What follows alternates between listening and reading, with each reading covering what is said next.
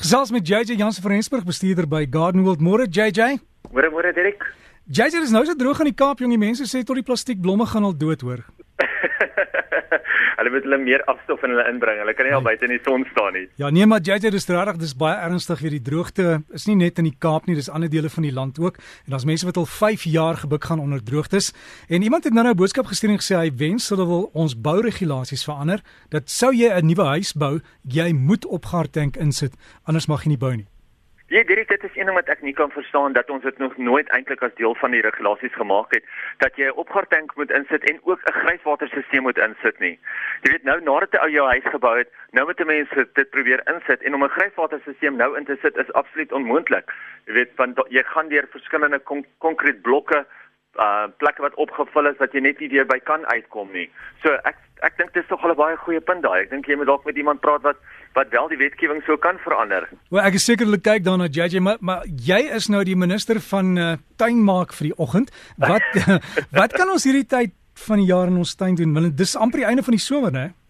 Dat hy, uh ja nee, ons kom al nader aan die einde van die somer alhoewel dit daar nog lekker warm en nog lekker lank is. Is dit nogal heel interessant hoe baie mense nog nie eintlik begin dink het aan die wintertuine nie. Maar volgende week gaan ek meer gesels oor hoe jy jou herfsttuin en jou wintertuin eintlik mooi kan kry. Kom ons gesels oor wat ek hierso vandag voor my het.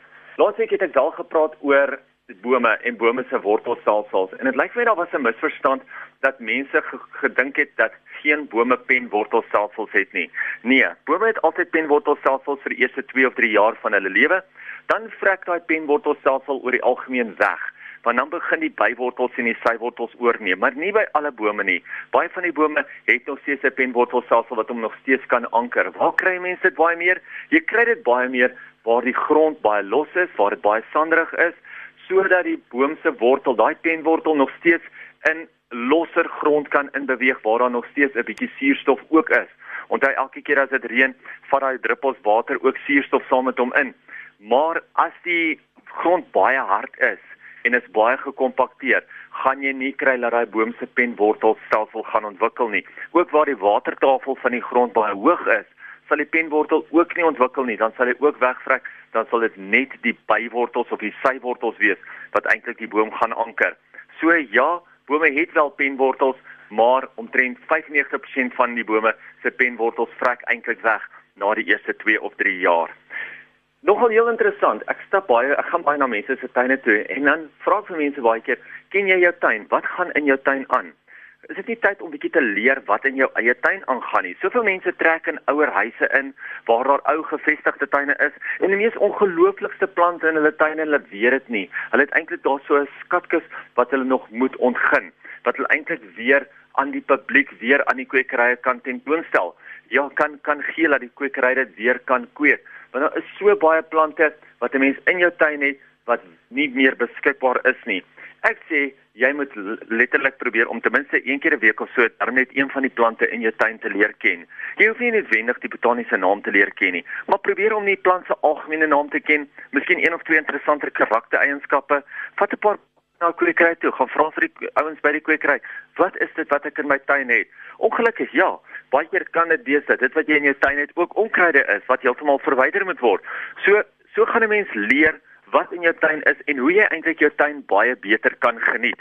Jy het soveel keer deur die jaar weet mense wat om in jou tuin te doen nie, maar jy weet nie wat jy het in jou tuin om te kan naslaan om meer te leer oor jou eie tuin nie.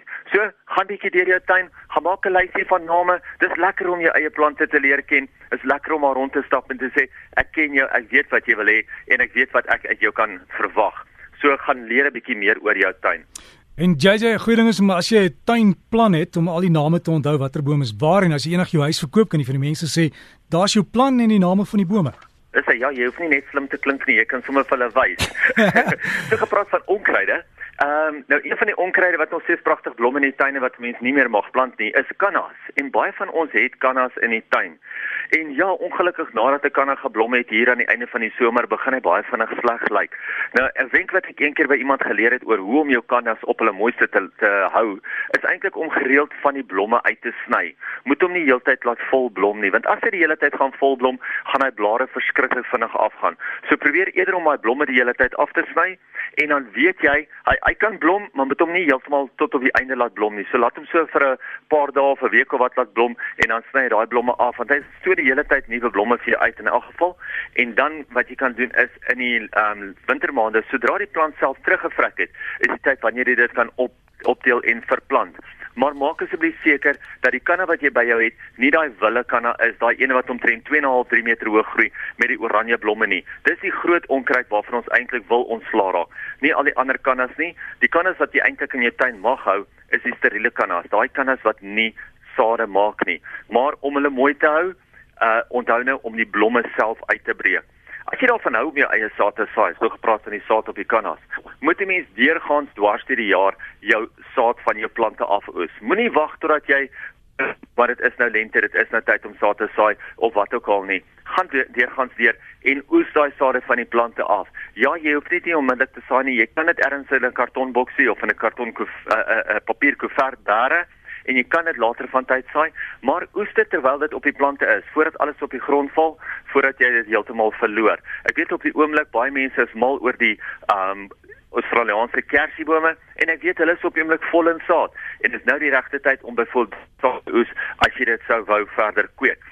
Dirk, ons plant van die dag vandag is een van my ou gunstelinge, een van die abelias. Twee weke terug het ek gepraat van die abelia lemon and lime en mense het uit die PE in Oos-London en al daai plekke vir my geskryf en gesê, "Weet jy wat, hierdie plante is so waterwys, hulle floreer hier by ons."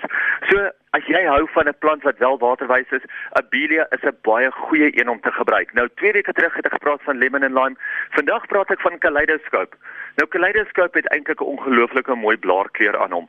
'n Donkergroen met 'n geel buitekant om die blaar self en dan soos dit nou koeler begin word nou in die herfs en in die winter in, gaan jy sien daai groen en geel verander eintlik na 'n bruin en 'n oranje toe. Hy word eintlik so 'n warm kleur. En dit is wat hom so mooi maak. Onthou, hy is hy hou van die volson, hy is baie gehard, hy is immergroen maar hy is deel van die grandiflora variëteite en jou grandiflora is dies met die groter blomme. So hy maak eintlik 'n groter wit blom vir jou. So gaan kyk uit by jou naaste kwekery. Hierdie Abelia kaleidoscope is een van die mooistes wat 'n mens nou deesdae kry.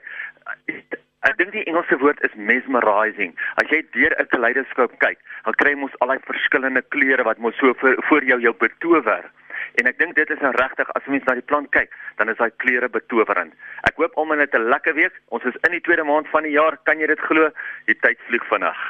JJ baie dankie en stuur maar vir my daai foto's ook dan kan ek dit gou plaas op die Facebook bladsy. En dis JJ Jansen van Rensburg van Garden World wat so help tuin maak sy e-pos JJ by gardenworld.co.za. JJ by gardenworld.co.za.